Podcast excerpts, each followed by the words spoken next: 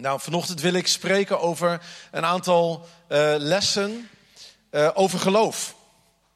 Ik hou ervan om te spreken over geloof. Er wordt niet zo heel veel gesproken uh, en gepreekt over de kracht van geloof in Nederland.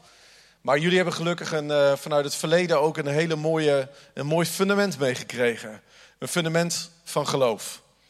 En daar wil ik graag op aansluiten. Ik geniet van de verhalen van wat God in het verleden heeft gedaan, ook hier in de gemeente. En ik geniet ook van wat God in de toekomst gaat doen. En alles wat er gebeurt is altijd gebaseerd op geloof. Geloof is de olie die vanuit de hemel stroomt, waardoor dingen hier op aarde goed kunnen lopen. Geloof schept ruimte voor God om te werken. Er staat in het Nieuwe Testament een aantal keren in de Evangelie dat de Heer Jezus niet kon werken. Waarom? Omdat er geen geloof was. Dat is toch bijzonder, want God kan altijd alles doen, zeggen we. Maar er stond, hij kon geen wonderen doen in die stad, in Nazareth, omdat er geen geloof was. God kan alles. Maar toch wilde hij of kon hij niet werken, daarom dat er op de een of andere manier wil God graag dat er een fundament is van geloof, dat er een omgeving is, een atmosfeer van geloof, dat geloof vloeit door de gemeente heen, zodat hij kan werken. En daarom zegt hij ook in het woord dat ons geloof mag groeien. Ons geloof mag toenemen. Geloof is er kennelijk niet zomaar. Geloof is een gave van God, een vrucht van God, van, vanuit de hemel, iets wat Hij geeft. Maar het is ook weer niet zomaar. Het is niet zo dat we kunnen zeggen, stil maar, wacht maar, alles wordt nieuw en God werkt wel. Geloof groeit. Daarom zegt de Heer Jezus ook dat ons geloof is als een mosterdzaadje. Als u maar geloof heeft als een mosterdzaadje. En soms in de kerk werd dan gezegd van ja, we hoeven niet veel geloof te hebben. Een klein beetje geloof is voldoende voor God om te werken. Dat klopt inderdaad. Maar geloof als een mosterdzaadje, daar zit een beeld in dat ons geloof toeneemt. En dat het ook snel toeneemt. Want het geloof, dat mosterdzaad, dat groeide zo snel dat het als een raket ging. Toenemend geloof. Vlak daarvoor zegt de Heer Jezus namelijk, kleingelovigen tegen de discipelen. Jullie zijn kleingelovig. In Zacharia staat een, ehm, Geweldige tekst, ik heb hem hier ook wel eens vaker genoemd. Maar tegen Zacharia wordt gezegd, uh, niet door kracht, noch door geweld, maar door mijn geest. Zo spreekt wie? De Heer. Er staat letterlijk de Heer van de legerscharen. Dat betekent de Heer van de legerscharen is niet zomaar de Heer. De Heer van de legerscharen, dat is de God die alles op zijn plek zet. De God die dingen op een plek zet, op plekken waar chaos en wanorde is, daar komt de Heer van de legerscharen en hij zet de dingen weer op zijn plaats. Hij bestuurt de engelenlegers aan. Ook de engelen die hier rondom dit gebouw zijn, die worden door de Heer van de legerscharen, de Heer van de engelenmachten, op hun plek gezet, in, in orde gezet. De God die de dingen in orde maakt. Die zegt niet door kracht, noch door geweld, maar door mijn geest zo spreekt de Heer van de legerscharen, Zachariah stuk 4. En dat zei Zacharia, de profeet, tegen Zerubabel, de man die de tempel moest bouwen. En dan spreekt Zacharia verder in Zachariah stuk 4 en dan zegt hij tegen Zerubabel, die gewone man die de tempel was aan het bouwen. Dan zegt hij, het zullen jouw handen zijn, Zerubabel, die de sluitsteen zullen aanbrengen. En dan zal het volk, dan zal de gemeente juichen, genade, genade. Met andere woorden, als de geest werkt, is het altijd genade. En dan zegt Zacharia, je hebt het fundament heb je neergelegd. En het zullen ook jouw handen zijn die uiteindelijk het gebouw zullen neerzetten. Want als God iets begint, dan zal hij het ook altijd afmaken. En dan staat er, ze zullen juichen als het gebouw is neergezet.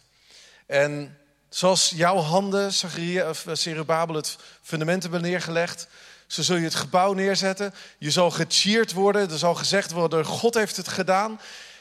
En dan, in dat moment staat er dan in Zachariah stuk 4, 4, zul jij weten dat het de Heer van de legerscharen was die jou gezonden heeft. Want wie veracht de dag van de kleine dingen? Nou, dat was een boodschap van geloof die de profeet Zacharia bracht. En vandaag zeggen we, wie veracht de dag van de kleine dingen? Nou, wij niet, toch? Kan ik een amen horen? Amen. Heer God, u hebt het fundament vandaag gelegd, ook hier in Loppersum. U hebt het fundament gelegd in het verleden. En u zult het gebouw ook afmaken. En niets of niemand zal u weerhouden, Heere God, om het gebouw af te maken. Om het gebouw in geloof af te ronden. En dan zullen wij zeggen, het was God die het deed. Genade, genade. En op die dag zullen wij weten dat God ons gezonden heeft. Zachariah hoofdstuk 4. Want wij verachten niet de dag van de kleine dingen. Want we weten dat het de geest van God is. En niet kracht. En ook niet geweld. Waardoor de gemeente gebouwd is. Nou, ik wil een aantal lessen doorgeven over geloof in deze tijd. En uh, het zijn eigenlijk lessen, het zijn zeven lessen die ik kort langs ga. En lessen die in de geschiedenis van de opwekking telkens opnieuw hun waarde hebben bewezen. Er is geen opwekking geweest in de geschiedenis en er zal geen opwekking zijn vandaag, ook niet in Loppersum en hier in de omgeving. Zonder deze zeven dingen.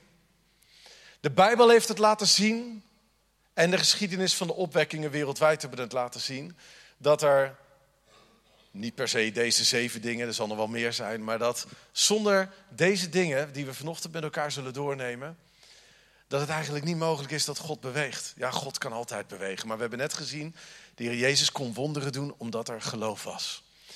En daarom zeven dingen die ons geloof zullen bouwen. En het eerste is, en daar heb ik vorige keer over gesproken, dus daar kan ik nu kort over zijn. Het eerste is, wanneer wij groot willen geloven en tegelijkertijd de dag van de kleine dingen niet willen verachten. En want daar hebben we het over. We hebben het over grote verwachting van God, het grote verwachten en de dag van de kleine dingen niet verachten. Daar hebben we het over. Dus het eerste wanneer wij vandaag groot willen geloven en tegelijkertijd ons normale leven in Loppersum gewoon door laten gaan, dat is volhardend gebed. U kunt als u meeschrijft, kunt u straks 1 tot en met 7 kunt u opschrijven. Maar u kunt het ook onthouden. Het eerste is volhardend gebed.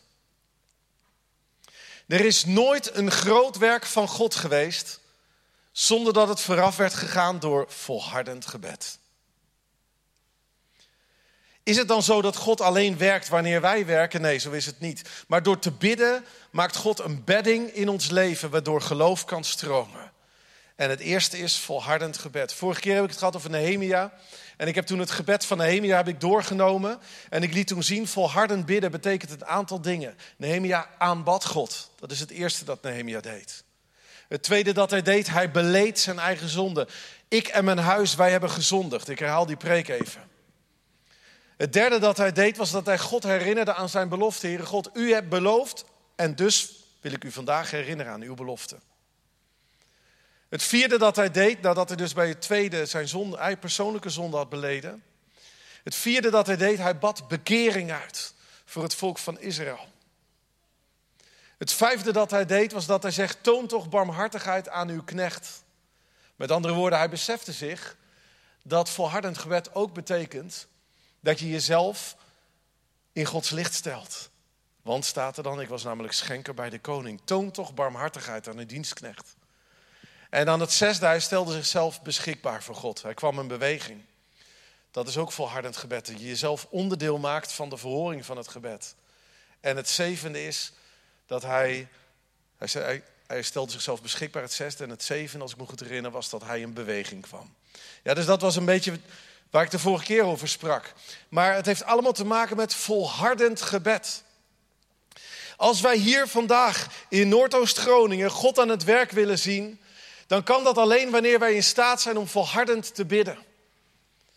Wanneer we doen wat Nehemia deed, God aanbidden, onze eigen zonde beleiden, God herinneren aan zijn belofte, bekeren. En barmhartigheid tonen aan onszelf. En onszelf beschikbaar stellen. En in beweging komen, die zeven punten, maar volhardend bidden. En hier zijn bidders in de zaal. En je hebt je misschien eenzaam gevoeld in de afgelopen jaren. Omdat je hem misschien een beetje raar voelt af en toe, want bidders zijn soms een beetje rare mensen. Maar dankzij jouw volhardende gebed kan God vandaag werken. Want je hebt een fundament gelegd van gebed. En doordat je hebt gebeden, kan God vandaag werken. En ik wil elke bidder zegenen in de naam van Jezus. Je bent doorgegaan en je bent doorgegaan. Bij nacht en bij ontij. En mensen begrepen niet dat je soms rare dingen zei. Omdat je in geloof iets zag wat misschien anderen nog niet zagen. Maar het is dankzij volhardend gebed dat God een opwekking vandaag kan gaan geven. Het eerste, volhardend gebed.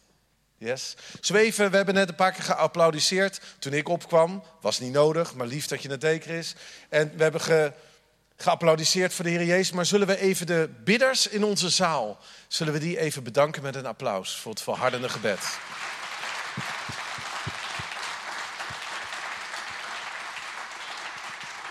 Yes. Dank jullie wel voor jullie jarenlange trouwe dienst. Ik herinner me dat in het verleden, toen ik een tijdje met eh, Royal Mission optrok, dat we hier een wonderlijke zondag hadden. En dat we toen, toen sprak ik met iemand die, ik weet niet meer wie het was, maar die uh, echt een gebedsbediening had hier in de omgeving. Ik weet niet of hij nog hier in een gemeente zit, want de reis van bidders gaat soms ook wel weer een beetje van gemeente naar gemeenten. Want het is vaak een bovenkerkelijke bediening. Dus dat is ook een beetje raar aan bidders.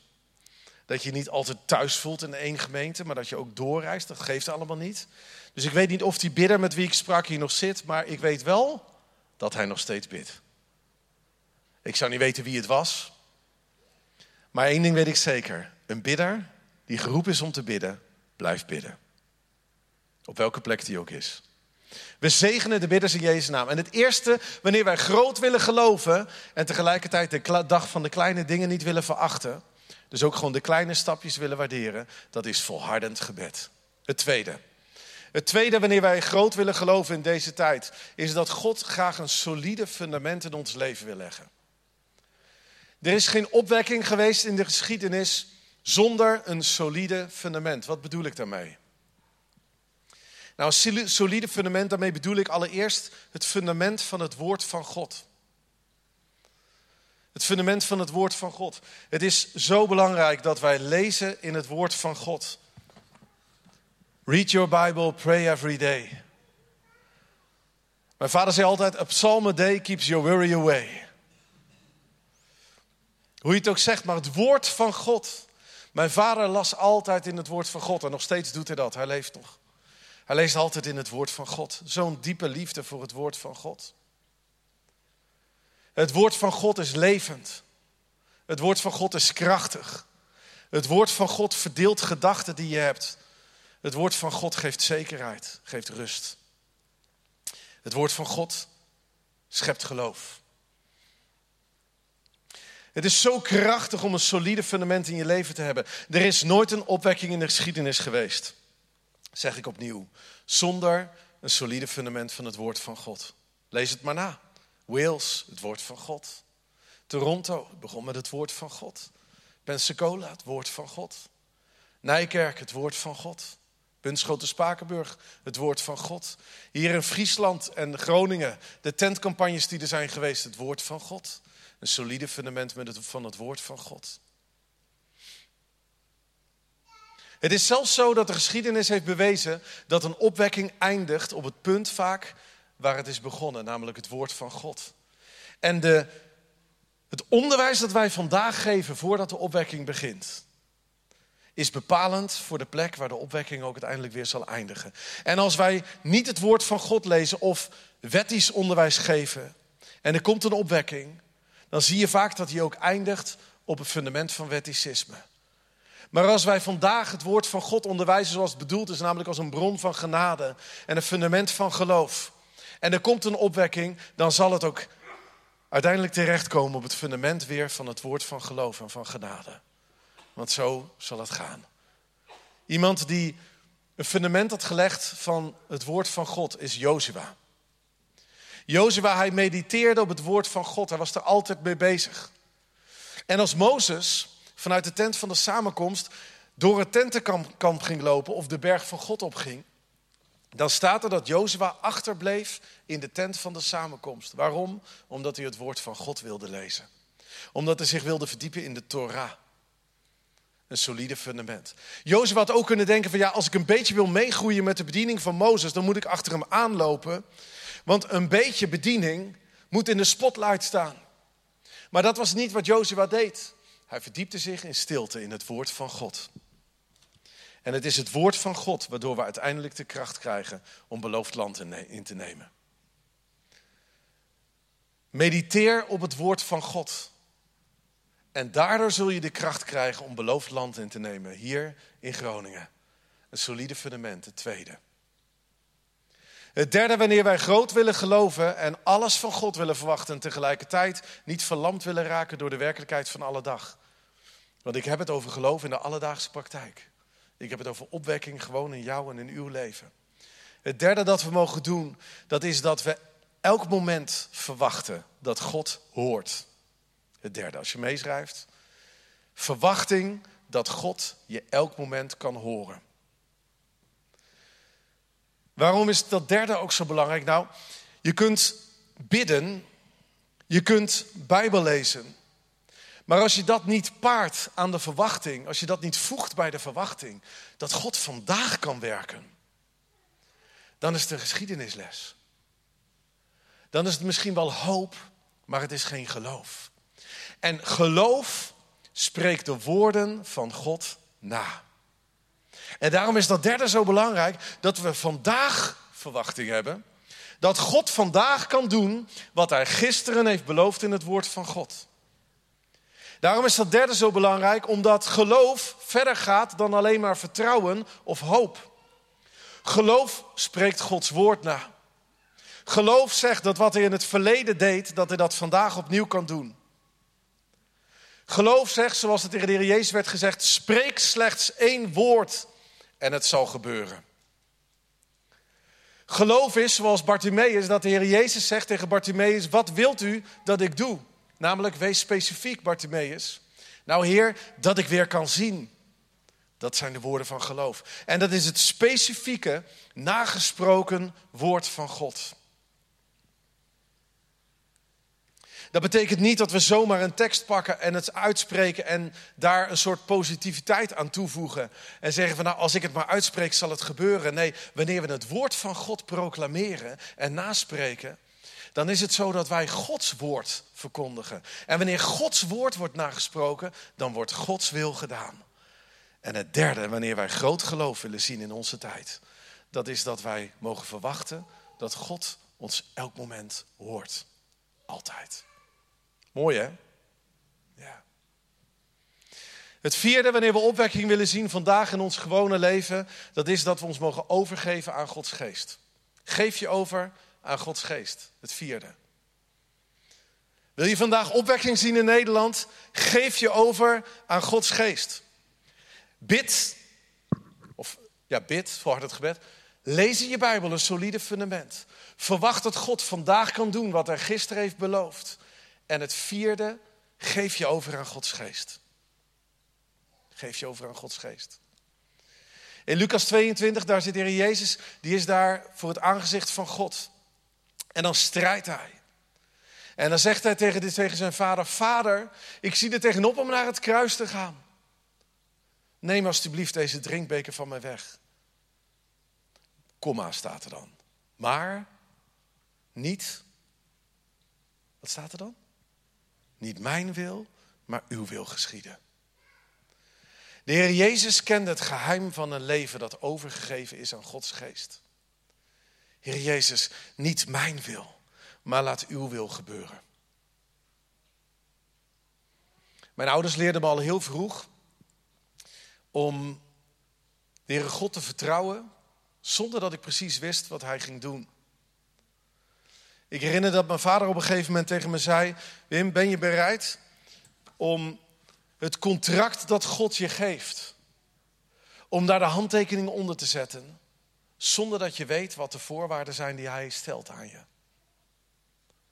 Ben je bereid om God te vertrouwen, zonder dat je daarboven, eigenlijk met een, met een lege pagina erboven, alleen maar ik, de Heere, zeg, dubbele punt, en dan de hele tijd niks en daaronder een handtekening. Ben je bereid om de roeping van God te aanvaarden, terwijl je nu nog niet precies weet wat, wat God van je gaat vragen? En in mijn naïviteit, of misschien in mijn onbevangenheid, of achteraf zeg ik in het geloof dat God me gaf, zei ik tegen mijn vader: Ja, papa, dan ben ik bereid om dat te doen. En ik heb het sinds die tijd telkens opnieuw herhaald: Heer God, ik ben bereid om te doen wat u zegt. Ook wanneer ik het niet voel, of wanneer ik het niet ervaar, of wanneer ik er moeite mee heb, wanneer het pijn doet, wanneer ik verdriet heb. Heer, ik ben bereid. Waarom? Omdat ik bereid wil zijn. En ik weet nog niet waar ik in de toekomst naartoe ga. En ik weet niet hoe het met ons gezin zal gaan. En ik weet niet hoe het met onze financiën zal gaan. En ik weet niet waar God ons roept of waar Hij ons leidt of wat Hij zal zeggen. Maar ook wanneer God zwijgt, wil ik zeggen: Ja, Heere God, ik wil doen wat U van me vraagt. Wanneer God spreekt, wil ik gaan op de weg waar Hij me zendt. Ik wil niet zeggen ja, maar. In Matthäus hoofdstuk 10, daar staat, wie eerst afscheid wil nemen van zijn vader en van zijn vrienden, die is het niet waard om mij te volgen, zegt Jezus. En in Lucas hoofdstuk 9, daar staat, wie zijn hand aan de ploeg slaat, maar achterom kijkt, die is niet geschikt voor het koninkrijk van God. Het zijn harde woorden van de Heer Jezus. Maar wat wil de Heer Jezus ermee zeggen? Hij wil zeggen, Wim, ben je bereid om wanneer ik spreek onmiddellijk te doen wat ik van je vraag? Want anders, en dat klinkt hard, maar ik pas het wel toe op mijn eigen leven. Anders, Matthäus 10, anders ben je het niet waard om mij te volgen. Anders, Lucas hoofdstuk 9, ben je niet geschikt voor het koninkrijk van God. Zegt de Heer Jezus dat je waardeloos bent? Nee, alleen hij zegt, als je mijn discipel wil zijn, en dan zeg ik het even positief, dan ben je het waard om mij te volgen, wanneer je mij ook vertrouwt. Als je mijn discipel wil zijn, dan ben je geschikt voor het koninkrijk van God. Als je niet achterom kijkt, maar vooruit kijkt, dan zegt de Heer God, met u ga ik alleen maar vooruit. Er was een geloofsman uit de 18e eeuw en die had een, schuur waarin zijn wagen stond. En hij moest altijd achteruit om die schuur uit te gaan met die wagen. En op een dag zei de Heere God, met u zal ik alleen vooruit gaan en niet achteruit, zegt het woord van God. En hij maakte een poort voor in de schuur, zodat hij er achteruit in kon rijden en vooruit weer uit kon gaan. Zo letterlijk nam hij die tekst. Maar zijn wij bereid om te handelen, lieve mensen, in, hier in de Waardevol Leven gemeente, om te, wandelen, om te handelen op het woord van God? Niet straks en niet morgen, maar onmiddellijk wanneer God spreekt. En te gaan. Dan ben je het waard om Jezus te volgen dan ben je geschikt om te werken in het koninkrijk van God. Ben je waardeloos als je dat niet doet? Nee, God, je bent waardevol voor God. Maar als het gaat om het volgen van Jezus als discipel, geeft hij je waarde wanneer je doet wat hij van je vraagt. Yes. Het vierde. Het vijfde punt, wanneer wij groot willen geloven en tegelijkertijd de dag van de kleine dingen niet willen verachten. Het vijfde is dat, we, dat, dat God tegen ons zegt: leer om leiding te geven aan geloof. Dat zegt God vandaag door de prediking heen. Leer om leiding te geven aan geloof. Wat bedoel ik ermee? Wat bedoel je ermee, Wim? Nou, als je de vier dingen mag doen in je leven die, of gaat doen in je leven die we zojuist zeiden. Volhardend bidden, een solide fundament. Verwachten dat God vandaag hoort, omdat Hij gesproken heeft. En je geeft je leven over aan Gods geest. Wanneer je dat doet, dan leer je al om te wandelen in geloof. Halleluja. Stel dat iedereen dat gaat doen. Dan gaat deze omgeving er anders uitzien, lieve mensen. Maar het vijfde wat God van ons vraagt, leer om leiding te geven aan geloof. Wat bedoel ik daarmee? Nou, daar bedoel ik ermee dat je je agenda zo mag leren inrichten. Dat God elk moment geloof door je heen kan laten stromen. Leer om leiding te geven aan geloof betekent dat je je leven zo gaat inrichten dat God elk moment door je heen kan werken. Dat jouw leven een bedding is waardoor geloof kan stromen. Zie, wij kunnen niet bepalen waar God het water van geloof laat stromen, waar de olie van Gods geest stroomt. Dat kunnen we niet bepalen. Maar we kunnen er wel voor zorgen dat ons leven een bedding is waardoor geloof kan gaan stromen. Dat ons leven, dat er geen obstakels zijn in ons leven, maar dat geloof kan gaan stromen. Leer om leiding te geven aan geloof. Ik wil je vragen om je leven vanaf vandaag te evalueren, je agenda te evalueren, je werk te evalueren, je tijd, de plekken waar je komt, de dingen die je aanraakt, de mensen met wie je omgaat, om het even te evalueren. En te kijken, helpt het mij om te leven in geloof? Leef, richt je leven zo in dat geloof elk moment kan gaan stromen. Ik zelf heb bijvoorbeeld mezelf aangeleerd, en dat is een, een, een luxe die ik heb in mijn eigen werk. Niet iedereen kan dit. Dus ik zeg het niet om te zeggen dat jij het ook zo moet doen, maar ik wil een principe hiermee overbrengen. Ik heb mezelf aangeleerd om mijn agenda niet te vol te stouwen. Ik maak twee afspraken op een dag, eventueel drie. Maar tussentijds heb ik ruimte ingebouwd, zoals vandaag. Ik moet vanavond spreken op een andere plek in Twente. Ik heb nog niet bepaald waar ik zal zijn. En ik kom hier binnenlopen en we spreken met elkaar en je vertelt dat er een lunch is. En ik kan bij die lunch aanwezig zijn. Omdat ik rust, amen. omdat ik rust in mijn agenda wil inbouwen, omdat ik weet dat God vaak spreekt in de zijwegen van het leven. God spreekt vaak via op de momenten die ik zelf niet had ingepland. ondernemers hier in de zaal of ondernemers die op dit moment meekijken. Je kunt je leven zo, zo vol stouwen dat je heel rendabel bent en dat je rendement hebt en dat het allemaal mooi is. En elke euro die je verdient kun je van tevoren kun je die al inplannen. Maar de vraag is of je ook geestelijk rendement behaalt. Geestelijk rendement behaal je vaak op de momenten die ongepland zijn. En het is vaak, we hebben hier in de zaal zitten ook mensen en je hebt misschien een secretaresse die je hele agenda voor je uitlijnt en je bent veel efficiënter dan ik dat wen in mijn leven. Maar stel dat God in minuut 59 geloof door je heen gaat laten stromen. En in minuut 60 is de afspraak afgelopen. En meteen daarna staat de volgende afspraak voor de deur. En God zei in minuut 59 dat je een gebed mocht uitspreken over je klant. En dat hij genezen mocht worden. Dan staat een minuut later, terwijl je midden in je gebed bent, staat de secretaresse voor de deur. En die zegt, beste vriend, je volgende afspraak staat voor de deur. En geloof kan niet door je heen stromen omdat je agenda te vol zit. Als je een slecht nieuwsgesprek hebt met een werknemer, zorg dat er een uurtje daarna vrijgepland is. Want het zou zomaar kunnen zijn dat God je in het uur daarna misschien wil gaan helpen om je werknemer bij Jezus te brengen. Of hem te helpen om zijn leven zo in te richten. Dat je niet alleen hem hoeft te zeggen dat dingen fout gaan, maar ook kunt helpen om het goed te laten gaan. Neem de tijd. Staak de strijd. Ga niet voor het rendement, maar ga voor Jezus. En als je denkt van ja, maar dat kan helemaal niet, dan zeg je tegen de Heere God, Heere God, het kan helemaal niet. Mijn omzet gaat niet meer omhoog, maar gaat omlaag, omdat ik mijn tijd niet goed besteed. En dan breng je je omzet bij Jezus. En dan zeg je, Heere God, mijn omzet gaat omlaag omdat ik u wil volgen. Dat probleem wil ik graag bij u laten, maar ik wil wel antwoord geven op de vraag die u gesteld hebt. Ik kan u vertellen, er zijn vele ondernemers in mijn omgeving die dit zijn gaan doen. En die hun rendement in geestelijke zin omhoog zagen gaan. Er kwamen mensen tot Jezus. En die desondanks nog gewoon een goede boterham verdienden. Misschien zit je hier in de zaal en zeg je van, nou weet je, bij Wim, bij jou snap ik het. Bij ondernemers snap ik het ook. Maar ik werk in een fabriek. En ik kan mijn tijd helemaal niet gewoon indelen. Nou, misschien heb ik het de vorige keer al gezegd toen ik sprak over Nehemia. Maar er is geen CAO die jou verbiedt om vaak naar de wc te gaan. Ja?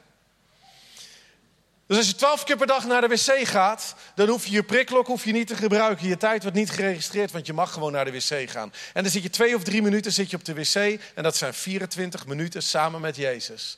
En hij kan door je heen gaan spreken. Als er een solide fundament in je leven is, betekent het dat je ochtends het woord hebt bestudeerd en dat je overdag een tekst in je gedachten kan krijgen om een ander ermee te geloof te bouwen in een ander. We hebben dat allemaal al wel eens meegemaakt. Maar het gebeurt alleen wanneer we hebben geleerd om leiding te geven aan geloof in ons leven. Wanneer we niet slaaf zijn van onze eigen baan, maar dat we een dienstknecht zijn en staan in de roeping die God ons heeft gegeven.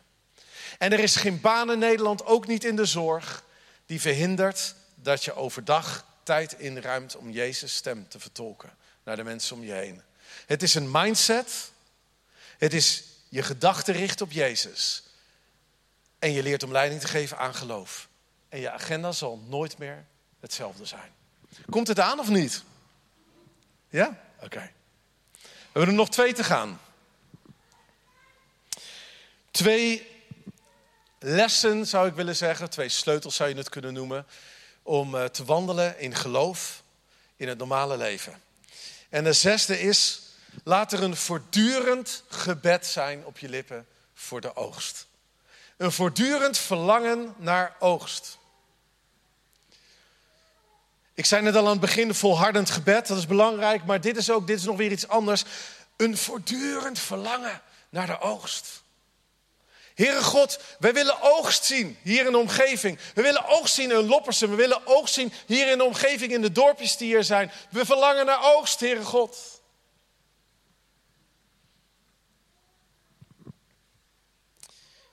In Matthäus hoofdstuk 9, vers 37, daar staat het volgende. Nou, ik heb hier de herziene staatvertaling, ik heb het opgeschreven in de het boekvertaling. En daar staat het eigenlijk nog mooier. In de herziene staatvertaling staat, de velden zijn wit om te oogsten. Maar in het boek staat dat Jezus door de velden liep en dat hij zei, wat is er toch ongelooflijk veel oogst. Matthäus 9, vers 37 en 38. Wat is er toch ongelooflijk veel oogst? Wat is er toch veel oogst, zegt Jezus. En dan staat erachter, maar wat zijn er toch weinig arbeiders? En wie weet wat de Heer Jezus daarna zegt? Dan zegt hij, vraag dan de Heer van de oogst of hij arbeiders wil zenden. Dus de Heer Jezus zegt, wat is er toch ongelooflijk veel oogst? En daarna zegt hij, maar wat zijn er toch weinig arbeiders? Vraagt dan de Heer van de oogst of hij arbeiders wil uitzenden. Nou, wij zeggen vandaag vaak, wat is er toch een ongelofelijke harde grond?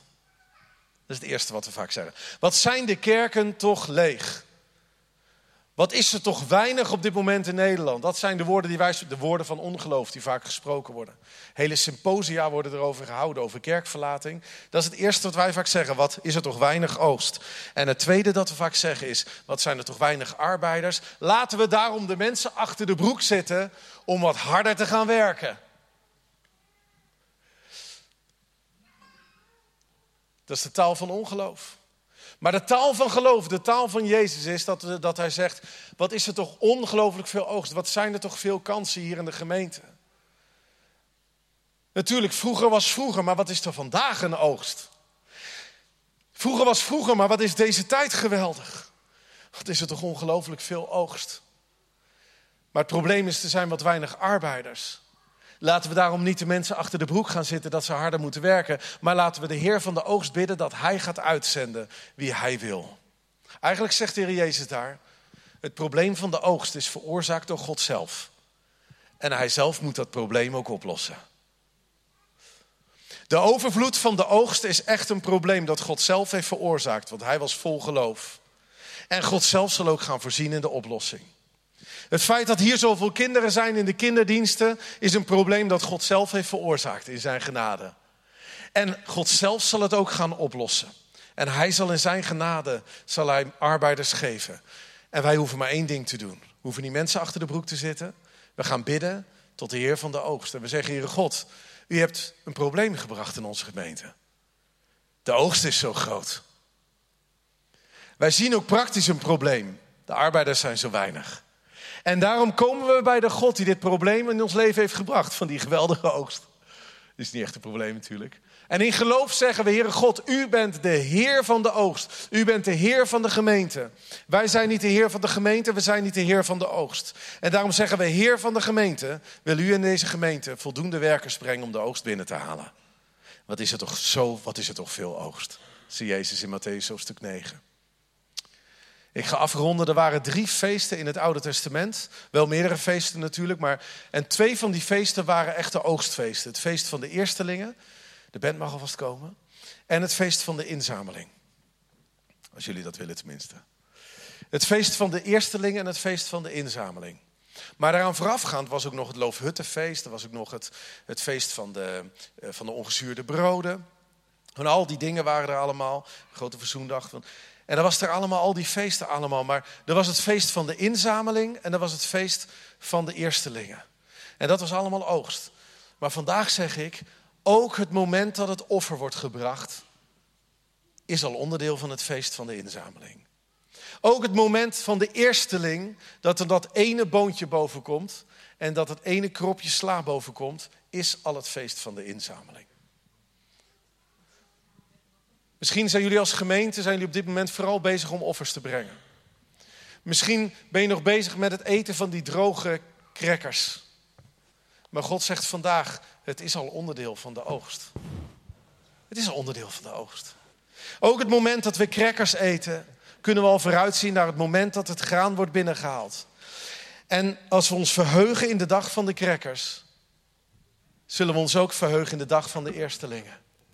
En als we ons verheugen in de dag van de eerstelingen, zullen we ons ook verheugen in de dag van de inzameling. Mijn ouders hebben 40 jaar lang gewerkt tot nu toe, iets meer al, in Limburg. En er kwam niemand tot geloof in de eerste dagen. Maar ze aten crackers, letterlijk.